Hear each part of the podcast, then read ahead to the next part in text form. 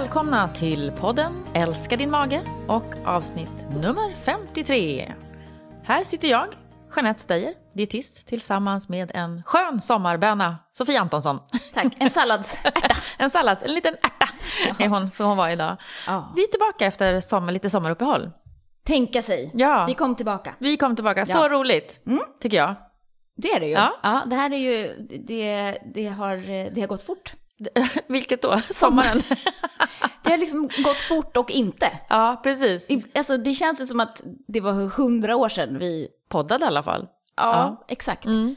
Och nu, ja, Nu är vi här igen. Vi här. Så, men vi har ju jobbat lite bakom kulisserna. Vi har ju ett spännande projekt på gång.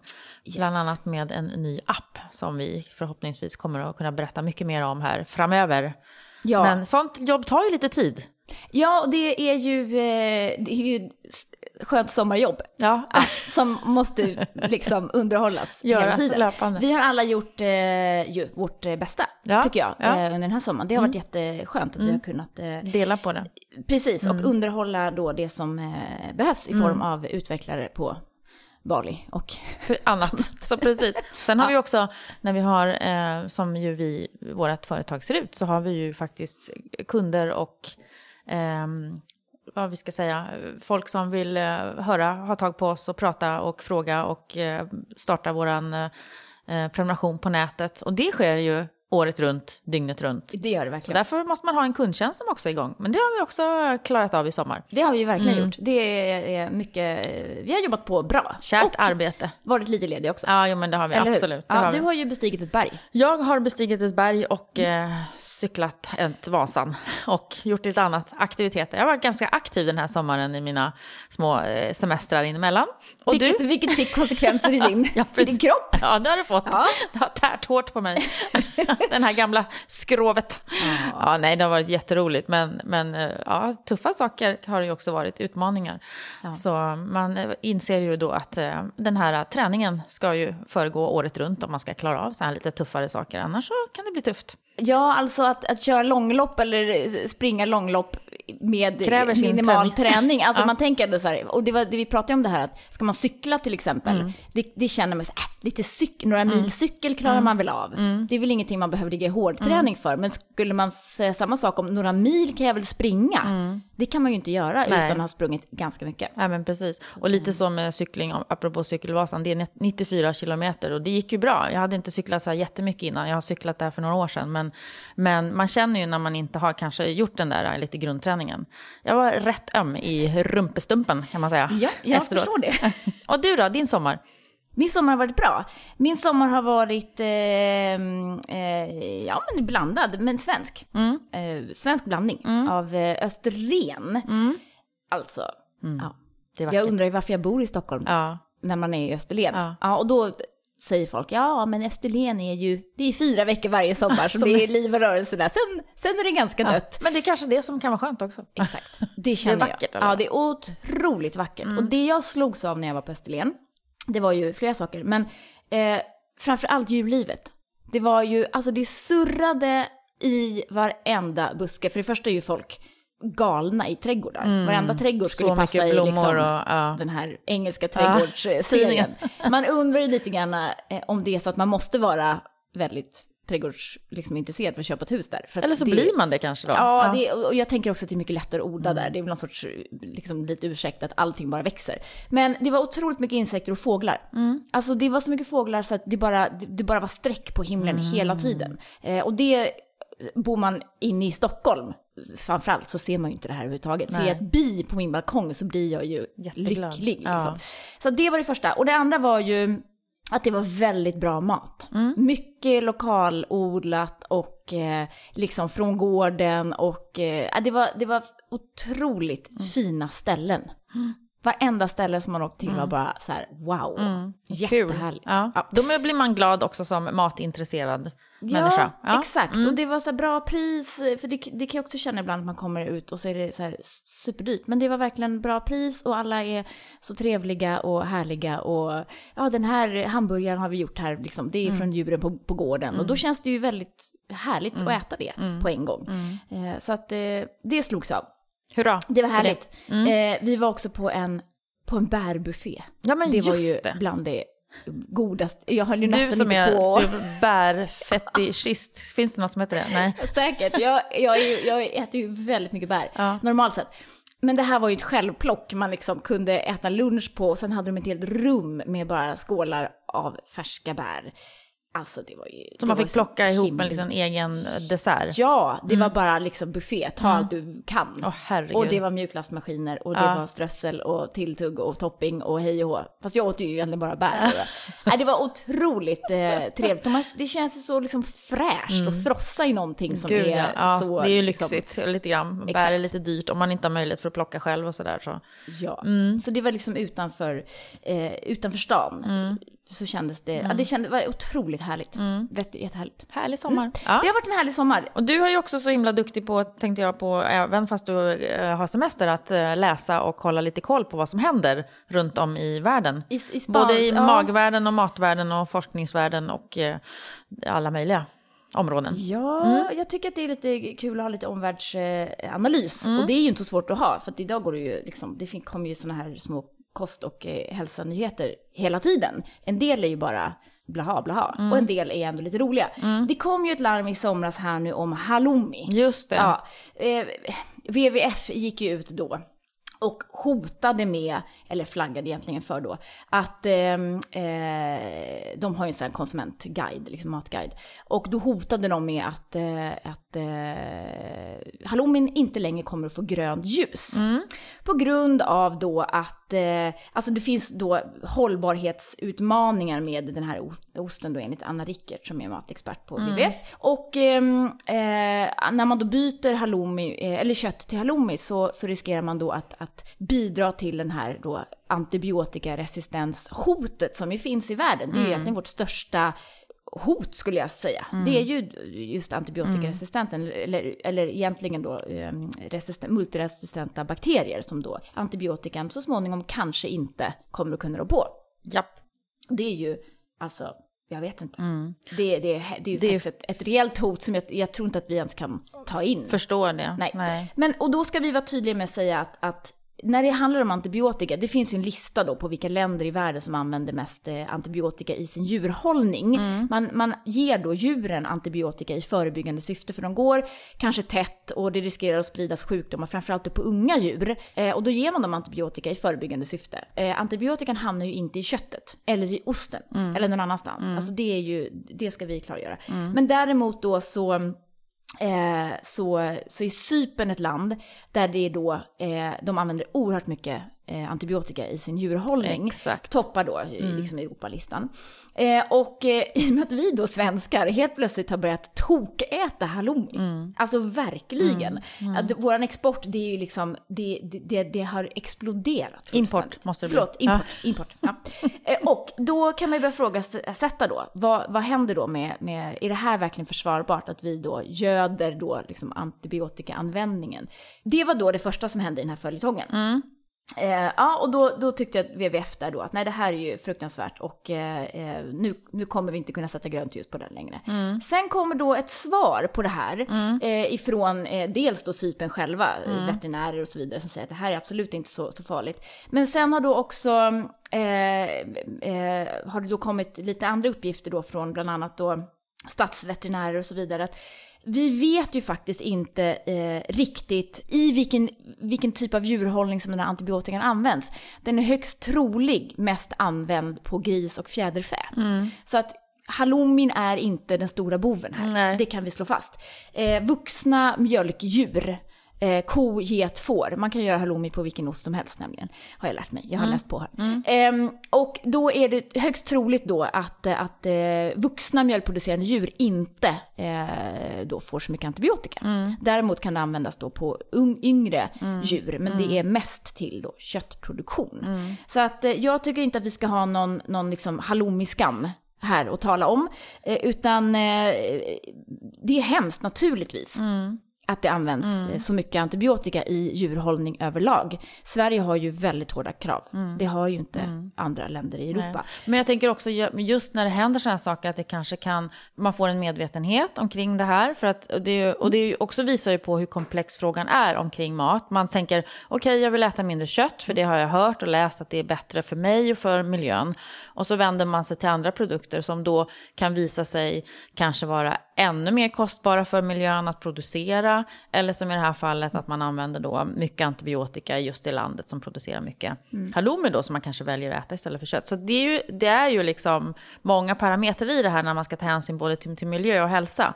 Eh, men det är som du säger att man behöver inte ha någon hal- halloumi-skam men det är ju ändå bra att det kommer, kommer fram sådana här saker. Exakt. För då kan man få ta ett, ett aktivt val och så kanske vi kan få svenska producenter som börjar producera mera eldost som det då kallas. Precis. Ja. Det, var, det var nämligen eh, min nästa spaning Mm. då. För jag tänkte att det här måste man kunna göra själv, tänker jag då. En svensk halloumi. Ja, jag var ju inte först på bollen där, Nej. det kan jag ju säga. Nej. Men däremot då så är det ju så att ehm, eh, det finns ju svensk halloumi. Och eh, då har då ehm, föreningen då Svenska Gårdsmejerier har eh, ansökt om att eh, kalla den här svenska halloumin för filomi.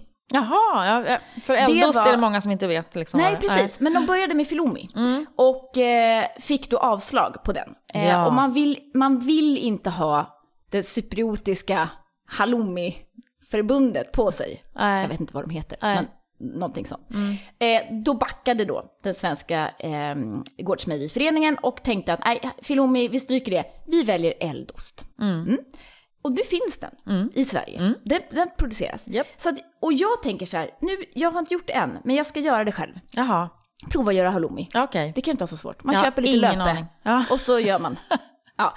Och det fina är att det finns alltså inget recept. Det finns inget så här, så här ska halloumi göras. Nähä. Utan man kan använda komjölk, getmjölk, fårmjölk. Mm. Man kan blanda de tre. Man kan göra precis som man vill. Just det. Ja.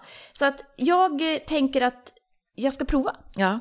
För jag menar, det här borde ju vi kunna vara totalt självförsörjande på i Sverige. Mm. Egen halloumi. Man, precis, man, då, man kan ju själv bestämma vilka mjölksorter man vill ha i då. Ja. Men tydligen så är det den där halloumin som är som vi importerar där. För att få heta halloumi så får det inte vara för mycket komjölk i. Eh, har jag för mig jag läste någonstans. Nej, precis. Det, det bör Det vara är en... får en, eh, eller... eh, mm, Precis, det är mm. lite Men- cypriotiska Ja, men receptet. precis. Men vi kan Men- väl göra som vi vill, tänker jag. Ja, alltså så länge den är eh, god, liksom. Mm. Ja. Så länge den smakar gott. Men vad är det som just gör att det blir så här hårt och halloumi då, kan man ju undra sig. Att, den blir, så här gnisslig och sen. Ja. gnisselost tycker jag Att, att den tänk ska om du heta. gör något och så blir det fetaost istället. Bara oj, det blev feta. Ja, men det kan det bli också. Bara jag kommer ihåg hur jag gjort. Men jag, jag vet faktiskt inte. Jag måste, jag måste måste- läsa på mer. Ja. Men jag tänkte ju först att det här är ju grymt. Då kan man ju, då kan man ju köra lite getter och köra getost. Ja. Ja, men det- verkar att de, de är som svåra att mjölka. Jaha, Getterna, okej. det är svårt att få ut någon mycket, mycket mjölk. Eller maskinmjölka dem på något vis.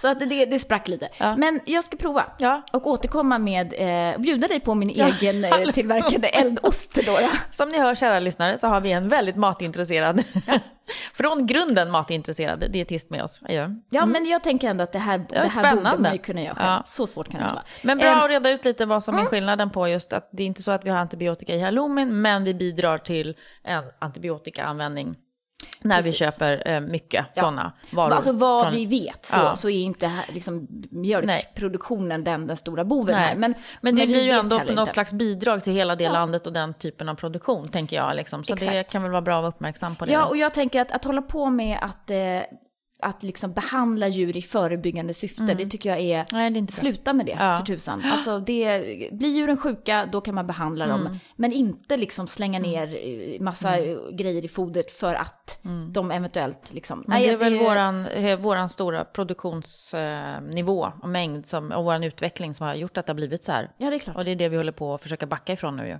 Exakt. Vi är sponsrade av havrebrödet Oats. Det är vi. Ett fantastiskt eh, bröd, tycker vi, eh, som passar alldeles utmärkt eftersom det är då eh, glutenfritt och dessutom låg FODMAP. Så att eh, vare sig man har IBS eller man är glutenintolerant så är det här ett mycket bra bröd och faktiskt för alla andra också. Ja, det måste jag säga. Mm. Det är jättegott. Och just när vi pratar om, som vi har pratat om tidigare, att havrefibern är så, eller havre är så fantastiskt sädeslag. Ja, nyttigt på många sätt. Ett superbröd. Eh, lång, långsamt, alltså lågt GI. Eh, mycket låg sockerhalt. Alltså väldigt låg sockerhalt. Låg kaloriinnehåll för att vara bröd. Lämpat för även då kan man tänka sig de som ska hålla igen på sockret, diabetiker och andra. Precis. Vi vill ju uppmana er nu till att eh, faktiskt eh, prova det här brödet som ju börjar finnas eh, ute i handeln mer och mer. Eh, Maxi-butiker runt om i Sverige börjar ta in det här brödet. Man kan också gå in på oates.se och beställa tre små limpor. Så swishar man och så får man det hemskickat med eh, fraktbolag, något utav dem. Och så skivar man upp det här då och fryser in direkt när man kommer få hem dem. Eh, och så tar man fram och rostar, till exempel. Och rostat är det extra gott tycker jag. Ja, det är faktiskt det. Det är ett otroligt gott och faktiskt nyttigt bröd. Har du inte provat oats så gör det nu. Har du en skiva i frysen? Vi har flera. Bra, jag vill ha en. Bra, gå och ta. Vi är också sponsrade av Alflorex som är ett probiotiskt eh, kosttillskott med eh, en unik faktiskt eh, stam som heter Bifidobacterium infantis 35624. Eh, och eh, den här är då välstuderad den här stammen vetenskapligt och faktiskt fina resultat just på IBS-symptom. Det här är ett preparat som finns i vår webbshop nu med lägre pris. Fantastiskt. Ja, det tycker vi är bra. Jag tycker ni ska prova det här också så här nu efter sommaren. Magen kanske är lite granna i eh, obalans. Man kanske har käkat lite mycket av det ena eller det andra. Vad vet jag. Hösten kommer, förkylningarna kommer, eller hur? Nu behöver vi liksom boosta lite immunförsvar här. Prova Alflorex. Och vi brukar ju alltid säga minst fyra veckor, gärna åtta. Mm, par När man månader provar. kan vara Mm. bra att utvärdera. för att få en utvärdering av det här så, så är det jättebra. Eh, och ehm, man kan behöva prova en längre period också, men, men just att man liksom ger det lite, lite tid tycker jag är, känns väldigt viktigt. Eh, så prova Alflorex, den finns att köpa i våran webbshop och ehm, eh, är ju extra bra att ta då med en mejeriprodukt. Har man ju sett. Eh, gärna yoghurt eller lite fil eller mjölk. Eh, så tas de här bakterierna upp eller de har en ökad överlevnad i tarmen i alla fall. Prova. Alflorex. Det har kommit en eh, ny rapport om mag och tarmbesvär hos svenska folket. Mycket intressant. Verkligen. Eller det var inte så mycket nytt för Nej, oss. men alltid intressant när det kommer sådana här rapporter som vi kan säga, ja, men det är ju så som vi vet att det är. Och så ser man små eh, roliga skillnader och informationer och så kan man fundera lite. Det är alltid intressant tycker jag. Absolut. Eh, vad har vi här? Det är en undersökning som apoteket, eller Novus har gjort på uppdrag av eh, apoteket. Precis. De har då frågat eh, ungefär tusen, eller gjort ungefär tusen intervjuer eh, under en period i, ja, här i sommar faktiskt. Eh, och det är ju, de, Novus gör ju sådana här, eh, vad heter det, opartiska stora undersökningar. Så de väljer ju ut liksom bra utsnitt av den svenska befolkningen när de ska försöka eh, fastställa eller fråga, göra sådana här undersökningar då. Så det är ju bra. Så att det inte bara blir att man frågar en viss grupp, och, för då kan man ju få fel svar eller ett svar som inte liksom visar riktigt på hur det är för den allmänheten. Så en kort sammanfattning, eller liksom de har frågat eh, några olika frågor. Eh, och vi kan väl gå igenom de här lite grann, för det är lite intressant tycker jag. Eh, då får den första frågan, händer att du har obalans i magen? Och så är det liksom olika symptom, till exempel halsbränna, sura uppstötningar, trög mage, förstoppning, diarré, gaser, uppblåst mage, ont i magen, analbesvär. Och då visar det sig att fyra av tio svenskar har obalans i magen varje månad. Och 7% har det varje dag. Och 19% har det varje vecka. Och det är ju liksom lite åt det hållet som vi vet att eh, så här många har problem. Det är ju ganska många människor då om man slår ihop eh, 7 plus 19 liksom, så har vi folk som har, ganska många som har problem varje dag eller varje vecka Absolut. med sin mage. Eh, och sen så finns det ju några då som inte har problem med magen alls någonsin. Det är bra för dem. Ja, exakt. Mm. Det ska ju också komma ihåg att eh, om man nu får ha lite, lite generalisera lite här, så är det ju så att ehm, en del som man frågar, Mm. så här, har du något problem med magen? Nej.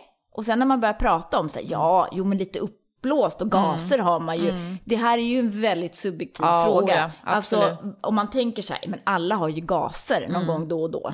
Och sen är det ju ett ganska vitt spann. När är du besvärad Ja. av de här gaserna? Och det är ju då när man inte är besvärad av det. Och, och, och det är ju normalt att ha gaser och det är normalt att bajsa olika många gånger om dagen och Ja. sådana saker. Eh, så att, ehm, så det, är ju, det är ju folk som inte har problem med magen ska vi ju komma ihåg. Nej. Men, men ganska stor mängd då, om man tittar också på hela antalet, är att 78 procent ändå rapporterar att någon gång från enstaka tillfällen till varje dag har man någonting med magen. Och det är ju inte heller så konstigt, för vi vet att magen är ju en central en central plats där det händer mycket saker. Så att, eh, och den är ju lite svår att, att förstå sig på alltid. Så att, eh, inte konstigt att det blir lite problem där ibland. Och där ser man också att det är just det flera kvinnor som svarar, lite fler kvinnor som svarar att de har problem oftare än mot män. Och det är också det som vi, som vi vet att eh, IBS till exempel drabbar fler, eh, något fler kvinnor än män. Och att kvinnor i högre utsträckning också söker vård för det här, eller är uppmärksamma på det.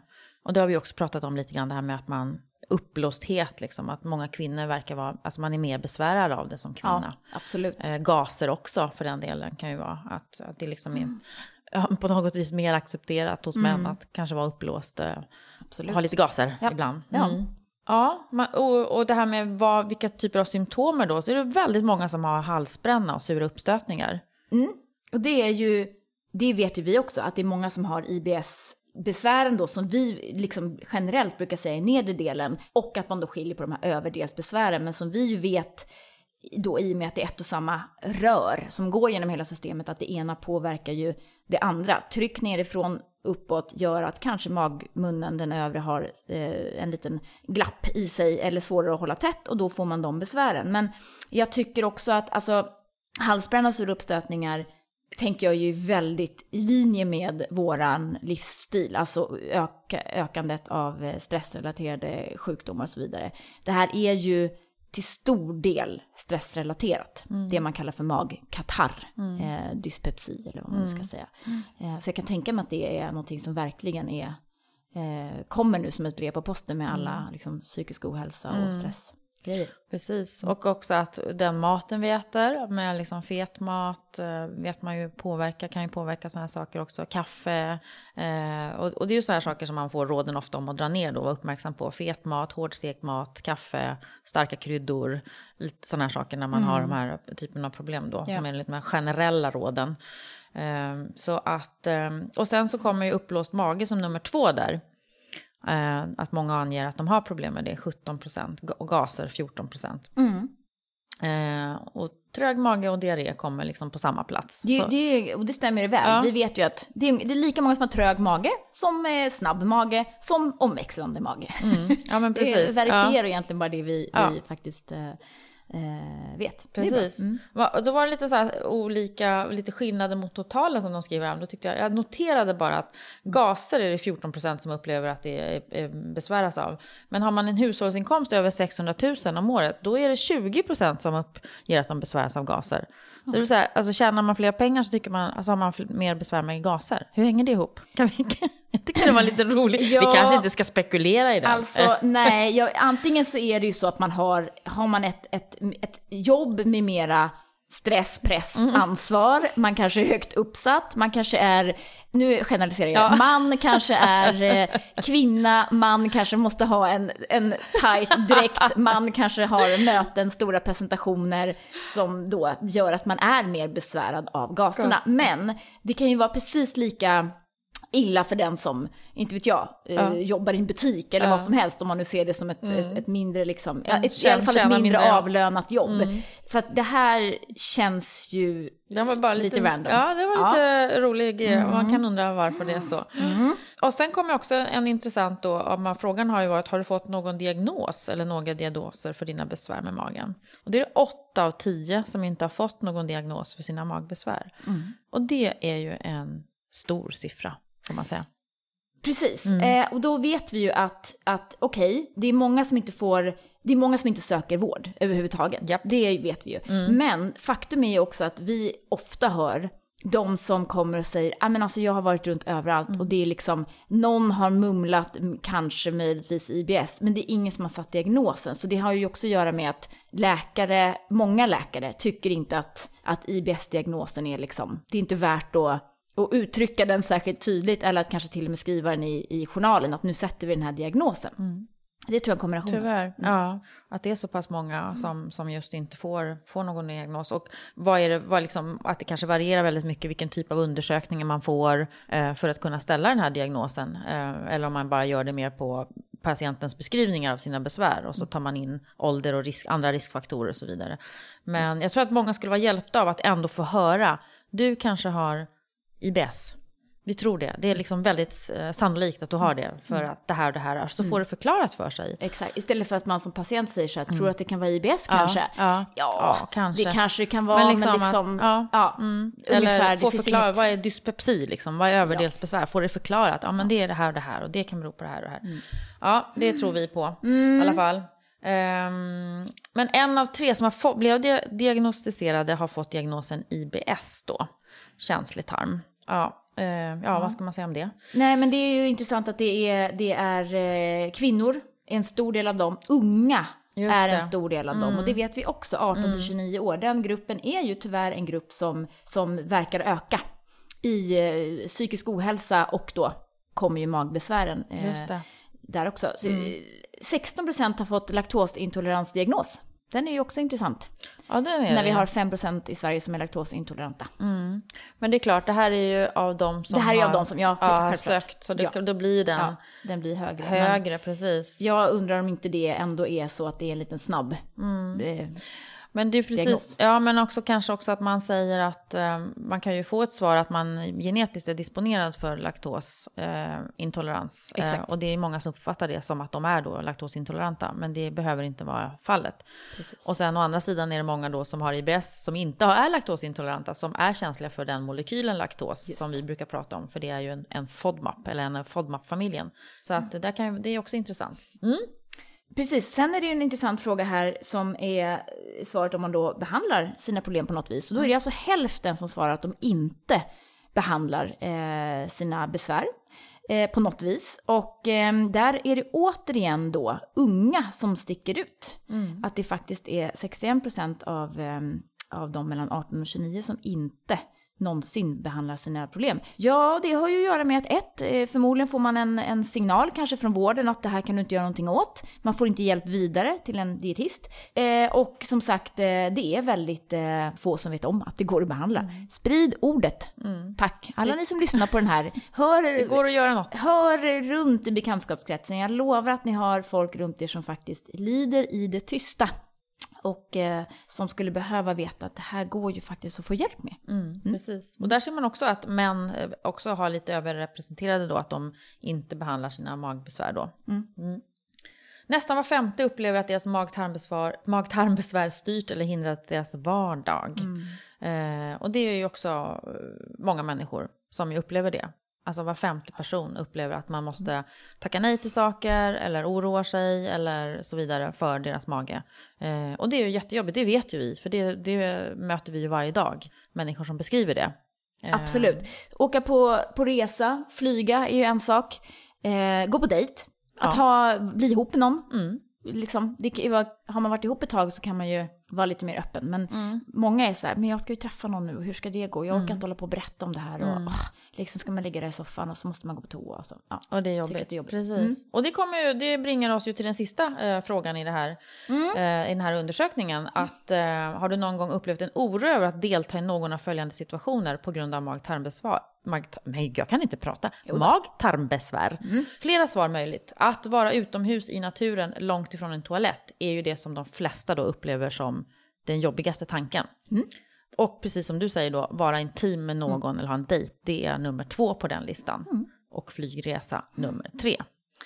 Eh, och det är precis det som vi ju hör också. ehm, att oron, var finns det en toalett? Exakt. Ja, och det, det är ju den mentala oron Mm. är ju det ofta som jag sätter det här ur spel. Att man börjar älta och eh, noja över någonting och sen så drar hela alarmsystemet igång för att man sitter instängd på en tunnelbana eller buss eller var man nu är någonstans och känner att om det händer nu, då har jag ingenstans att ta vägen. Och då händer det. Då drar du igång systemet. Ja. Det är helt säkert.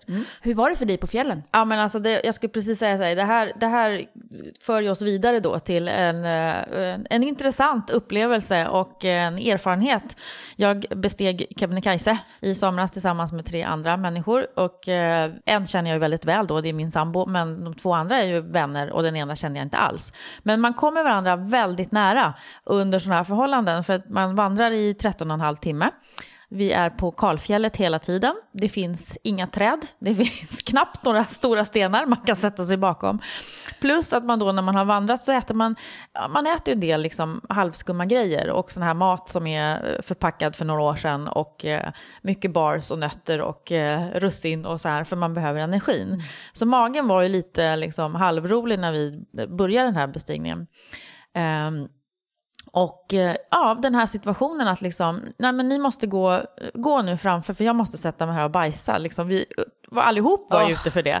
Ja, du, du får ångest, Ja. så får man titta bakåt och titta fram. Ja, men det kommer inga andra vandrare just nu. Och så hittar man någon sten som är lite extra stor och så försöker man flytta några stenar och så försöker man sätta sig. Och när vi är på väg tillbaka då, då är vi ju så trötta allihop. Så att, och, och då säger jag så här, jag tänker jag måste gå på toa liksom en gång till. För man vet att vi har flera timmar kvar, jag kan inte hålla mig, jag är dötrött. Och jag bara, ja men kan inte ni gå framåt då för jag måste sätta mig här. Och de är så trötta så de går typ fem meter framåt. Och jag sitter där bara, ja men okej, kan, kan ni gå lite längre fram? för det är verkligen, alltså man är så sårbar och lite så här förnedrad på något vis. Alltså det är ju den situationen man känner att när man ska sitta och, och bajsa helt enkelt. som Brallorna är- runt knävecket och man liksom Ja. försöker hålla balansen och så ska man uträtta sina Det enda som behov. är positivt där då, då, eller som i alla fall underlättar, det är att man får ju sitta i den korrekta Ja, ställningen. ja, så det är ju verkligen. ändå stor sannolikhet att man liksom levererar på, på liksom när det är dags. Och inte så att man sätter sig och bara, nej det kom inget. Nej, men det Utan- var inte det som var problemet för någon av oss, utan tvärtom. Vi hade ganska mycket, alltså för magen var lite knasig, så det gick ganska, vi hade snabba passager om man Ja. säger så. Ja, så det, det var Snabbt in, snabbt ut. Ja, precis. Bara, eh, ni måste gå framåt.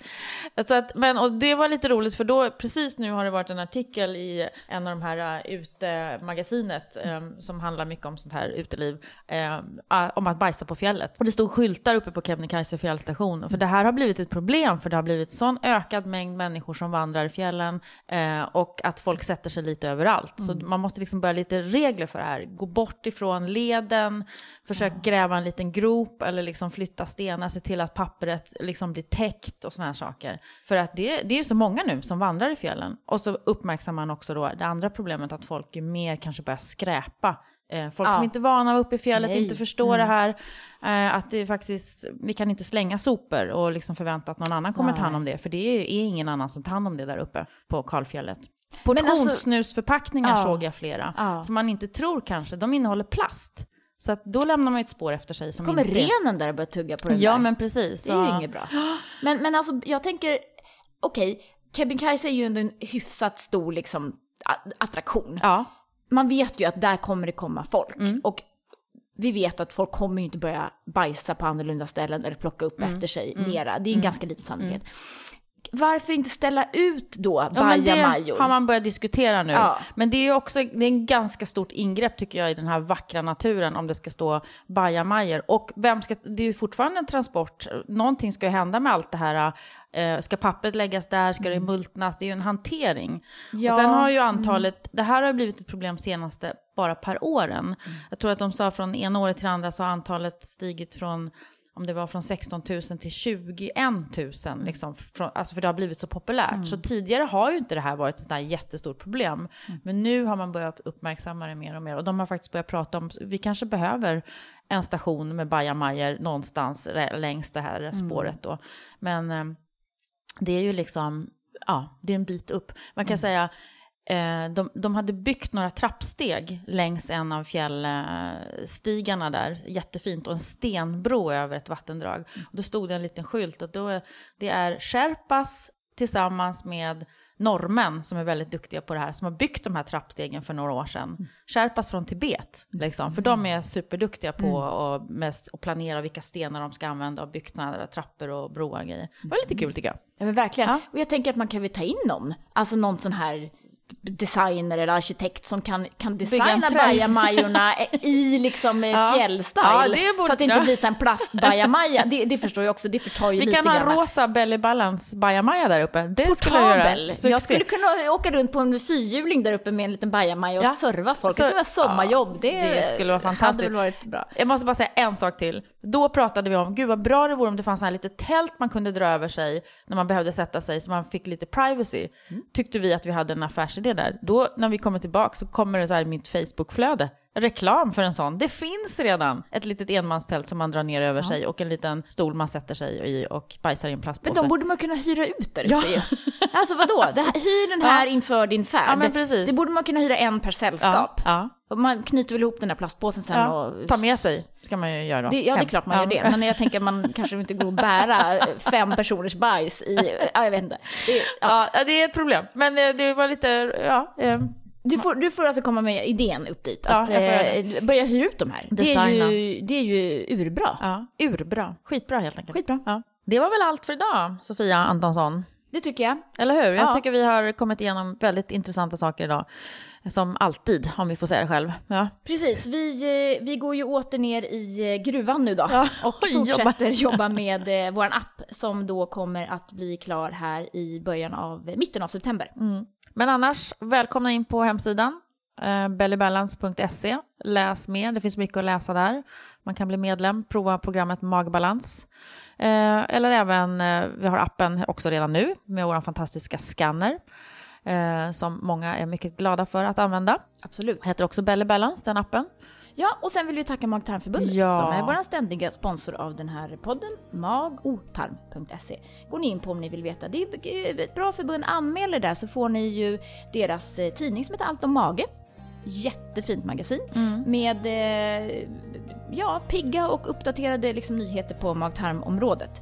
Så att vi tackar mag och tarm. Det gör vi.